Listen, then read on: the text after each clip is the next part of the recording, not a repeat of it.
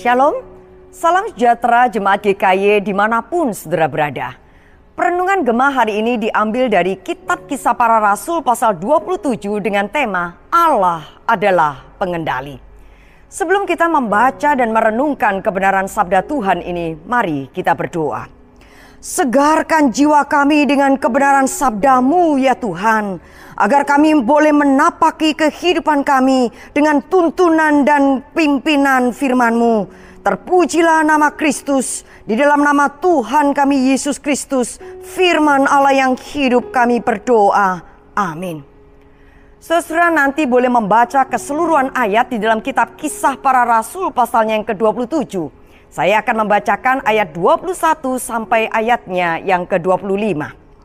Dan karena mereka beberapa lamanya tidak makan, berdirilah Paulus di tengah-tengah mereka dan berkata, Saudara-saudara, jika sekiranya nasihatku dituruti, supaya kita jangan berlayar dari kereta, kita pasti terpelihara dari kesukaran dan kerugian ini. Tetapi sekarang juga dalam kesukaran ini, aku menasihatkan kamu, supaya kamu tetap bertabah hati, Sebab tidak seorang pun di antara kamu yang akan binasa kecuali kapal ini. Karena tadi malam seorang malaikat dari Allah, yaitu dari Allah yang aku sembah sebagai miliknya sendiri, berdiri di sisiku. Dan ia berkata, Jangan takut Paulus, engkau harus menghadap kaisar. Dan sesungguhnya oleh karunia Allah, maka semua orang ada bersama-sama engkau di kapal ini dan akan selamat karena engkau Sebab itu tabahkanlah hatimu saudara-saudara. Karena aku percaya kepada Allah bahwa semuanya pasti terjadi sama seperti yang dinyatakan kepadaku. Amin. Saudara kehidupan sering tidak berjalan seperti yang kita harapkan. Ketidakpastian sering menjadi bayang-bayang yang meredupkan pengharapan. Banyak rencana dipancangkan, tetapi tiba-tiba tak bisa dilakukan berharap begitu banyak meraih keberhasilan, tetapi yang terjadi justru kegagalan. Yang dinanti dan diharapkan tak kunjung datang, yang dihindari justru itu yang terjadi. Saudara keadaan dapat berubah dengan tiba-tiba tanpa pernah bisa diduga. Namun sebagai umat Tuhan, mari kita percaya sekalipun keadaan berubah, bahkan situasi sulit itu tiba, kita yakin bahwa tidak pernah bisa mengubah kasih dan kuasa Allah. Saudara yakinilah bahwa setiap hal yang melanda itu tetap berada dalam kendali Tuhan Allah. Allah yang kita kenal dan Allah yang kita sembah di dalam nama Tuhan Yesus itulah yang memegang kendali akan dunia ini, memegang kendali hidup kita. Di dalam perikop ini yang kita baca, kita menyaksikan bila Rasul Paulus tidak menjadi tawanan, tidak mudah baginya untuk berkunjung ke kota Roma karena perjalanan ke sana amat jauh dan berbahaya. Bila Allah membiarkan Rasul Paulus menjadi tawanan para prajurit Romawi, hal ini merupakan bagian dari rencana Allah. Sesungguhnya Allah tetap menjadi pemegang kendali.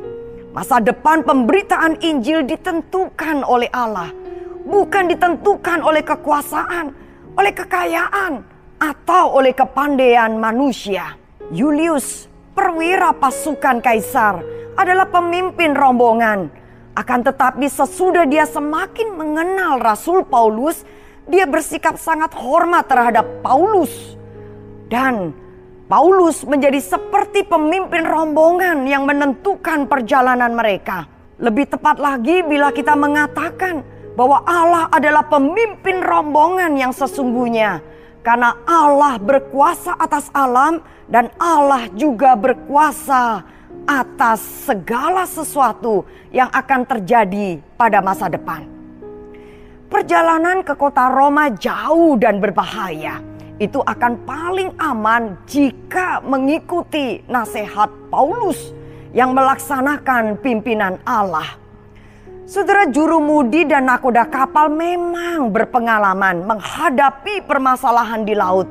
Akan tetapi mereka bukan penguasa alam. Mereka hanya bisa menyesuaikan diri dengan situasi alam yang sedang mereka hadapi. Pengertian mereka terbatas. Di dalam kapal besar yang mereka tumpangi itu pasti banyak pedagang kaya. Walaupun mereka kaya, namun mereka sama sekali tidak berdaya menghadapi ancaman angin badai. Saudara ini menunjukkan bahwa penguasa alam yang sesungguhnya itu adalah Allah. Pengabaian terhadap nasihat Rasul Paulus yang menyuarakan pimpinan Allah membuat situasi yang mereka hadapi memburuk.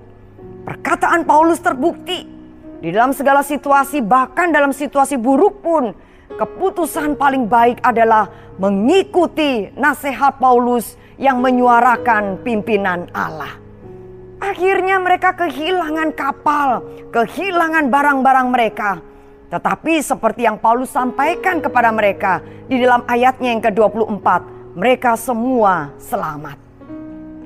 Saudara saat membaca kisah perjalanan Rasul Paulus sebagai tawanan yang dibawa ke kota Roma, kita harus selalu ingat bahwa semua yang terjadi itu merupakan bagian dari rencana Allah yang menghendaki agar Paulus menjadi saksi di kota Roma.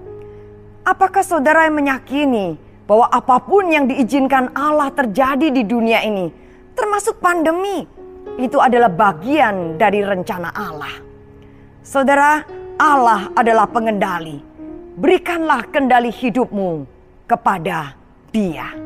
Mari kita berdoa.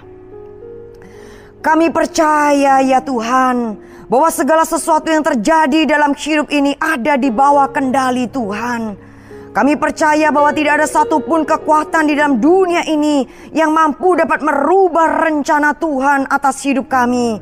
Oleh sebab itu, ajarlah kami untuk senantiasa percaya dan mempercayakan hidup kami seutuhnya kepada Tuhan Yesus Kristus, Sang Pengendali hidup kami. Di dalam nama Kristus kami berdoa. Amin.